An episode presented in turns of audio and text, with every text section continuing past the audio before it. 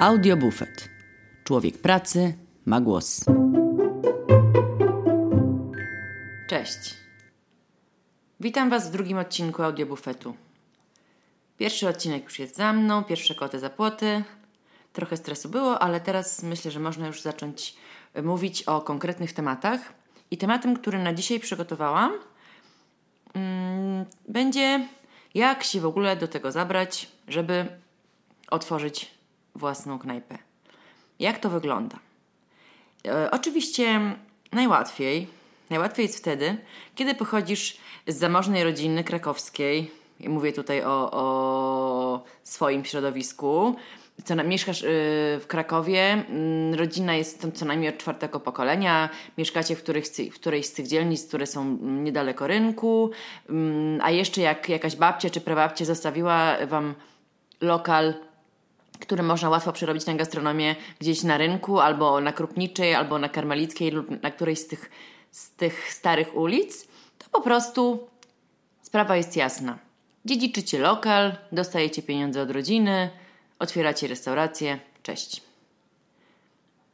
O, tutaj jest też taka e, podgrupa Mianowicie, jeśli jesteś y, krewnym jakiegoś celebryty, zwłaszcza kulinarnego celebryty, wtedy oczywiście też masz drogę ułatwioną, bo już samo nazwisko i koneksje wystarczy ci, żebyś na przykład wskoczył sobie mm, do jakiegoś programu i nawet yy, i po prostu, po prostu był i przedstawiał swoje przepisy. Albo otworzył coś swojego oczywiście.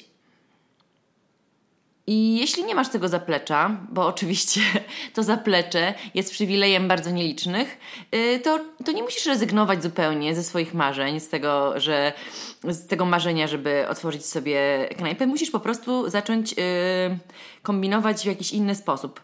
Po prostu nie oznacza to, mm, że przepadłeś i yy, że możesz swoje marzenia pogrzebać. Po prostu wtedy musisz się dużo bardziej postarać. Musisz być zdeterminowany. No bo dla kogoś, kto ma, kto ma fundusze, kto ma koneksję, to jest po prostu jedna z opcji w życiu. Nie zrobię tego, to zrobię coś innego. A dla ciebie jest to w zasadzie być albo nie być. Jest to taka szansa jedna na tysiąc i to się po prostu musi udać, bo nawet nie chcesz myśleć, co by było, jakby się to nie udało. I skoro największym Twoim problemem jest brak funduszy, no to w takim razie trzeba zacząć działać tak, żeby te fundusze były jak najmniejsze, albo rozglądać się za możliwościami pozyskania tych funduszy. I jeśli chodzi o niskie mm, koszty, na przykład koszty wynajęcia lokalu, to tutaj w sukurs może przyjść nam miasto, w którym mieszkamy. Na przykład w Krakowie istnieje coś takiego jak lokale miejskie, które y, jest szansa, że, że wynajmie się tanio.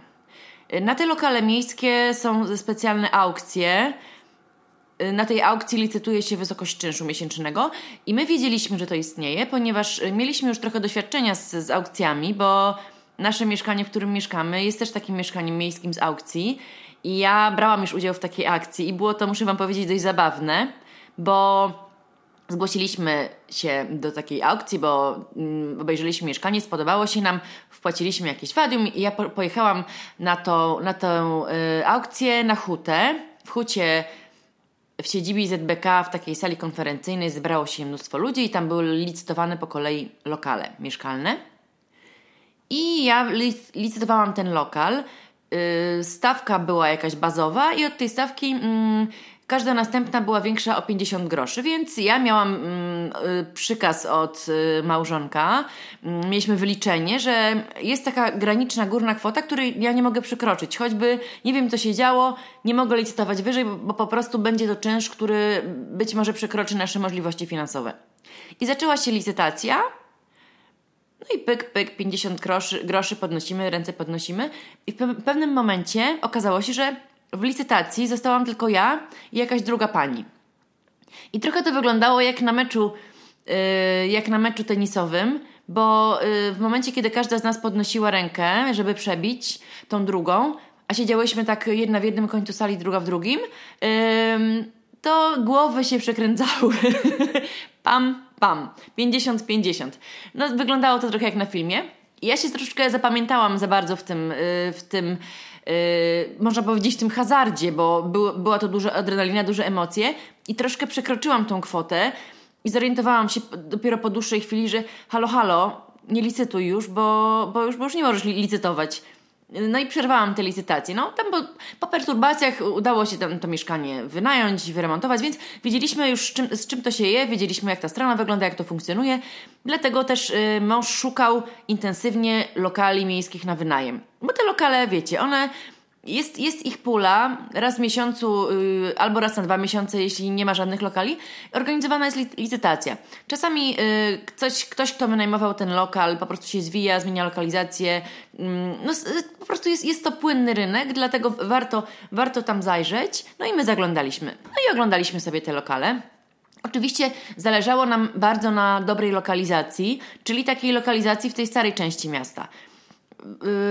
Stare Miasto wchodziło w grę o tyle, o ile y, nie byłby to lokal duży i byłoby nas stać na czynsz. I nawet mm, poszliśmy na pierwszą licytację. To był taki mały lokalik w okolicach Kolegium Nowum, czyli ścisłe centrum tuż przy plantach. I na tej licytacji było mnóstwo ludzi. Było mnóstwo ludzi, było bardzo wielu zainteresowanych i my nie mieliśmy szans, bo on y, poszedł za jakieś horrendalne pieniądze. Nie pamiętam już w tym momencie, ile to było. To było 3-4 razy więcej niż my byliśmy w stanie zaoferować. I później okazało się, że otworzył się tam fryzjer, potem jakieś hot dogi. W każdym razie ten lokal istnieje, yy, ale nic, yy, ża żadna działalność, która miała tam miejsce, nie przetrwała dłużej. Więc najwyraźniej nie była to taka super lokalizacja, jakby się mogło wydawać. Poza tym yy, był, dość, był, był to dość mierny lokal, no bo miał yy, był długi, wąski, ciemny, nie miał wentylacji. Oczywiście kratka wentylacyjna na ścianie była, a jakże? Tylko, że pod kratką była po prostu ściana, więc y, była to taka atrapa kratki. Taka atrapa, żeby sanepid pomyślał, że ona tam jest. No trochę śmieszne, ale tak było. Mm, oglądaliśmy też lokale y, od prywatnych właścicieli. Jeśli y, uważaliśmy, że, że lokalizacja rokuje, byliśmy na przykład w takim lokalu, on był w okolicach Krupniczej, Rajskiej i rozmawialiśmy z e, pełnomocnikiem właścicielki, który przekonywał nas, że już za chwileczkę ta kamienica będzie remontowana, będzie wyglądała wspaniale, będzie to kamienica klasy premium. I oczywiście, skoro kamienica będzie klasy premium, to na, na nasz lokal też ta klasa premium spłynie i on będzie wspaniały i wprawdzie czynsz jest spory, ale tutaj są takie możliwości, że naprawdę. No, o, minęło 6 lat Kamienica nie została dotknięta żadnym remontem, bo przychodzimy tamtędy czasami, więc y, jednak dobrze, że jednak nie zdecydowaliśmy się na tamten lokal, poza tym był on mały. W pewnym momencie w tej puli pojawił się lokal na Mogilskiej. Mogilska była ulicą zupełnie poza zasięgiem naszych spacerów, na, na naszej takiej tkanki życiowej. Nie chodziliśmy tamtędy, nie, nie, nie mieliśmy nic wspólnego z tamtym rejonem. Więc y, w zasadzie nie, y, nie byliśmy zainteresowani, ale pomyślałam sobie, a chodźmy zobaczyć. Przekonałam męża, który też nie był y, jakimś entuzjastą tego pomysłu, przekonałam, żebyśmy chociaż poszli, wzięli klucze i sprawdzili, jak ten lokal wygląda. Poszliśmy tam faktycznie. Okazało się, że jest to lokal, który jest dość znany mieszkańcom Krakowa, bo tam przez poprzednich 30 lat znajdował się punkt sprzedaży biletów MPK, więc mnóstwo, mnóstwo ludzi z Krakowa stało tam swego czasu w gigantycznych kolejkach, żeby kupić sobie bilet sieciowy, bądź to studencki, bądź półroczny, no i te wszystkie różne inne rodzaje biletów imiennych. Lokal był dość spory. Okazało się, że jest dość spory i okazało się, że ma pewne atuty niezaprzeczalne. Po pierwsze, bardzo duże zaplecze. I tutaj zatrzymamy się chwilę, bo ja tym swoim wtedy dziesięcioletnim doświadczeniem w gastronomii wiedziałam, jakie ważne jest duże zaplecze. Słuchajcie, duże zaplecze to jest naprawdę podstawa, bo pracowałam w wielu miejscach, które miały wspaniałą przestrzeń dla gości, yy, były po prostu piękne, przemyślane, to, tam było na bogato, było drogo, a kuchnia zwykle była malutkim pomieszczeniem niedoinwestowanym, ze starymi sprzętami, bez okna, bez wentylacji. Ja wiedziałam, że praca w takiej kuchni jest bardzo ciężka, bardzo trudna. W ogóle mm, nie interesowało mnie to, żeby, żeby mm, tego dużego zaplecza nie mieć. A tutaj wchodzimy i proszę bardzo. Część dla klientów jest taka sama jak zaplecze. Mało tego, na zapleczu jest okno. A uwierzcie mi, pracowałam przez kilka lat w takiej maciupkiej kuchni no nie wiem, 4 na 4 z zepsutą wentylacją, bez żadnego okna i tam jeszcze pracowało ze mną 4-5 osób i naprawdę, naprawdę były to ciężkie warunki. I no i patrzymy, jest okno. Okno na podwórko, zielone, ciche, spokojne.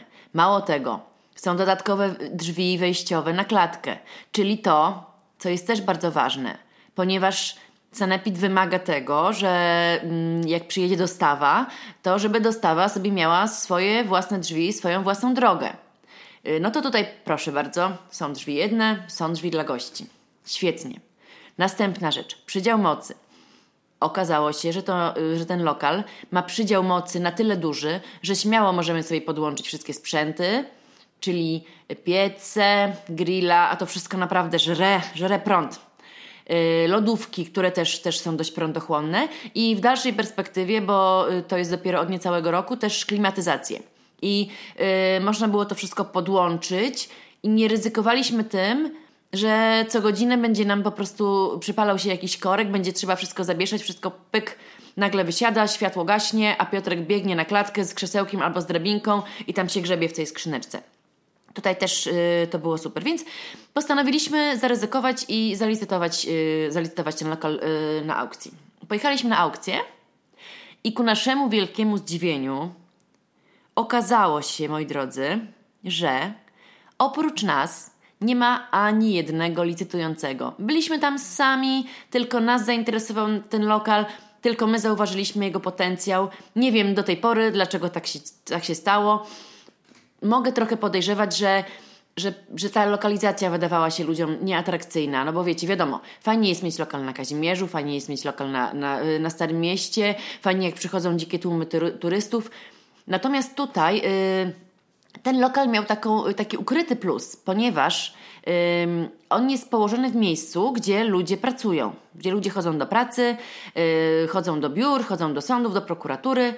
I tacy ludzie, którzy są w pracy przez 8 godzin, oni zwykle gdzieś tam jedzą ten lunch. I to właśnie była nasza szansa. A wiedzieliśmy jeszcze o tym, mój mąż wiedział, bo on się interesuje tym, y, jakie będą inwestycje w Krakowie w najbliższych latach, co się buduje, co się, czego się nie buduje, jakie są plany. I on wiedział na przykład, yy, że ten biurowiec ABB, który już stoi od kilku lat, który, który mieszkańcy Krakowa przy Rondzie Mogilskim mogą yy, sobie obserwować, że on tam będzie i on tam później rzeczywiście stanął, że będą tam jeszcze inne biurowce. Poza tym w perspektywie szkieletor, który w tym momencie już y, jest na ostatnim etapie, już, już, już go kończą. Więc było to bardzo perspektywiczne i postanowiliśmy tam pójść. Y, I tak, żadnych y, konkurentów do lokalu. Co związało się z tym, że nikt nie podbijał tej wyjściowej ceny, która, która była do wylicytowania, więc wynajęliśmy ten lokal w bardzo atrakcyjnej cenie. No więc warunek taniego lokalu został spełniony. No ale wciąż mało, więc co tu jeszcze zrobić? I w międzyczasie drugim torem y, szła jeszcze taka nasza akcja. Wyciągnięcia trochę mm, pieniędzy z funduszy unijnych. I też śledziliśmy, śledziliśmy ten e, program, e, to były fundusze na lata 2007-2013, to była taka ostatnia jaskółka i złożyliśmy wniosek o dofinansowanie. Ten wniosek przeszedł wstępny, wstępny etap, i później y, zaczęło się szkolenie, kilkutygodniowe szkolenie. Ja miałam to szkolenie y, w takiej damskiej grupie. Oprócz mnie tam było jeszcze kilkanaście wspaniałych kobiet w różnym wieku. I y, ich przekrój, mm, przekrój zawodowy był bardzo duży. Każda z nich marzyła o własnej filmie. Y, byłam, byłam ja z marzeniem o własnym lokalu, była fizjoterapeutka, była architektka, y, była weterynar, weterynarz, weterynarka, powiedzmy weterynarz, była protetyczka nawet i była kosmetyczka. Tam było jeszcze wiele innych dziewczyn, są teraz tylko te, które pamiętam. I wszystkie były bardzo zdeterminowane właśnie na to, żeby w końcu zacząć zarabiać na siebie we własnej firmie.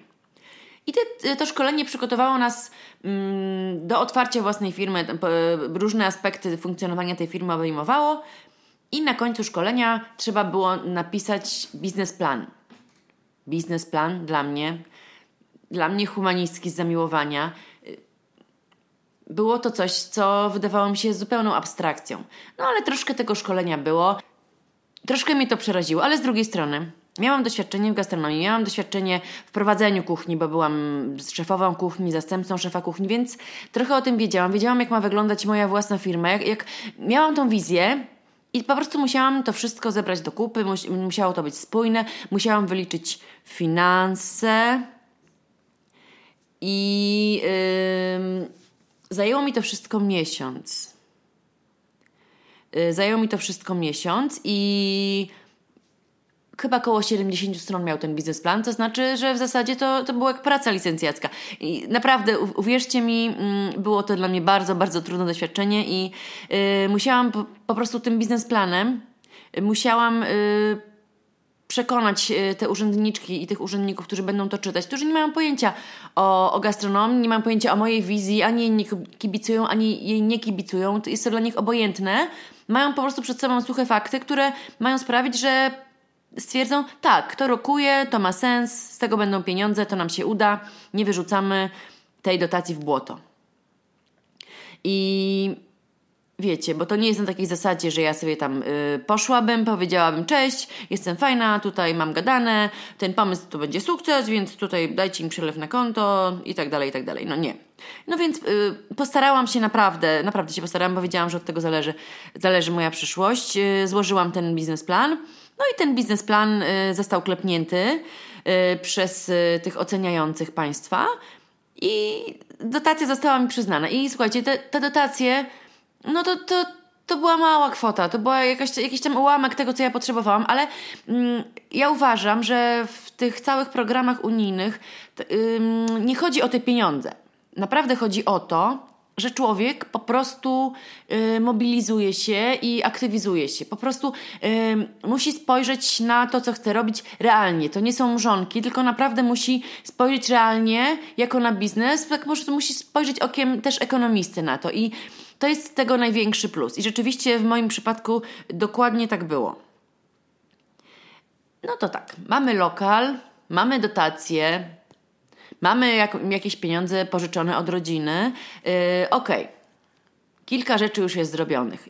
Yy, tylko, że to, że mieliśmy lokal, to nie znaczyło, że tam już, wiecie, tydzień, dwa wprowadzamy się i, i sprzedajemy swoje, swoje bułki yy, czy inne rzeczy, yy, bo lokal to był lokal po biurze, więc yy, trzeba było zacząć remont.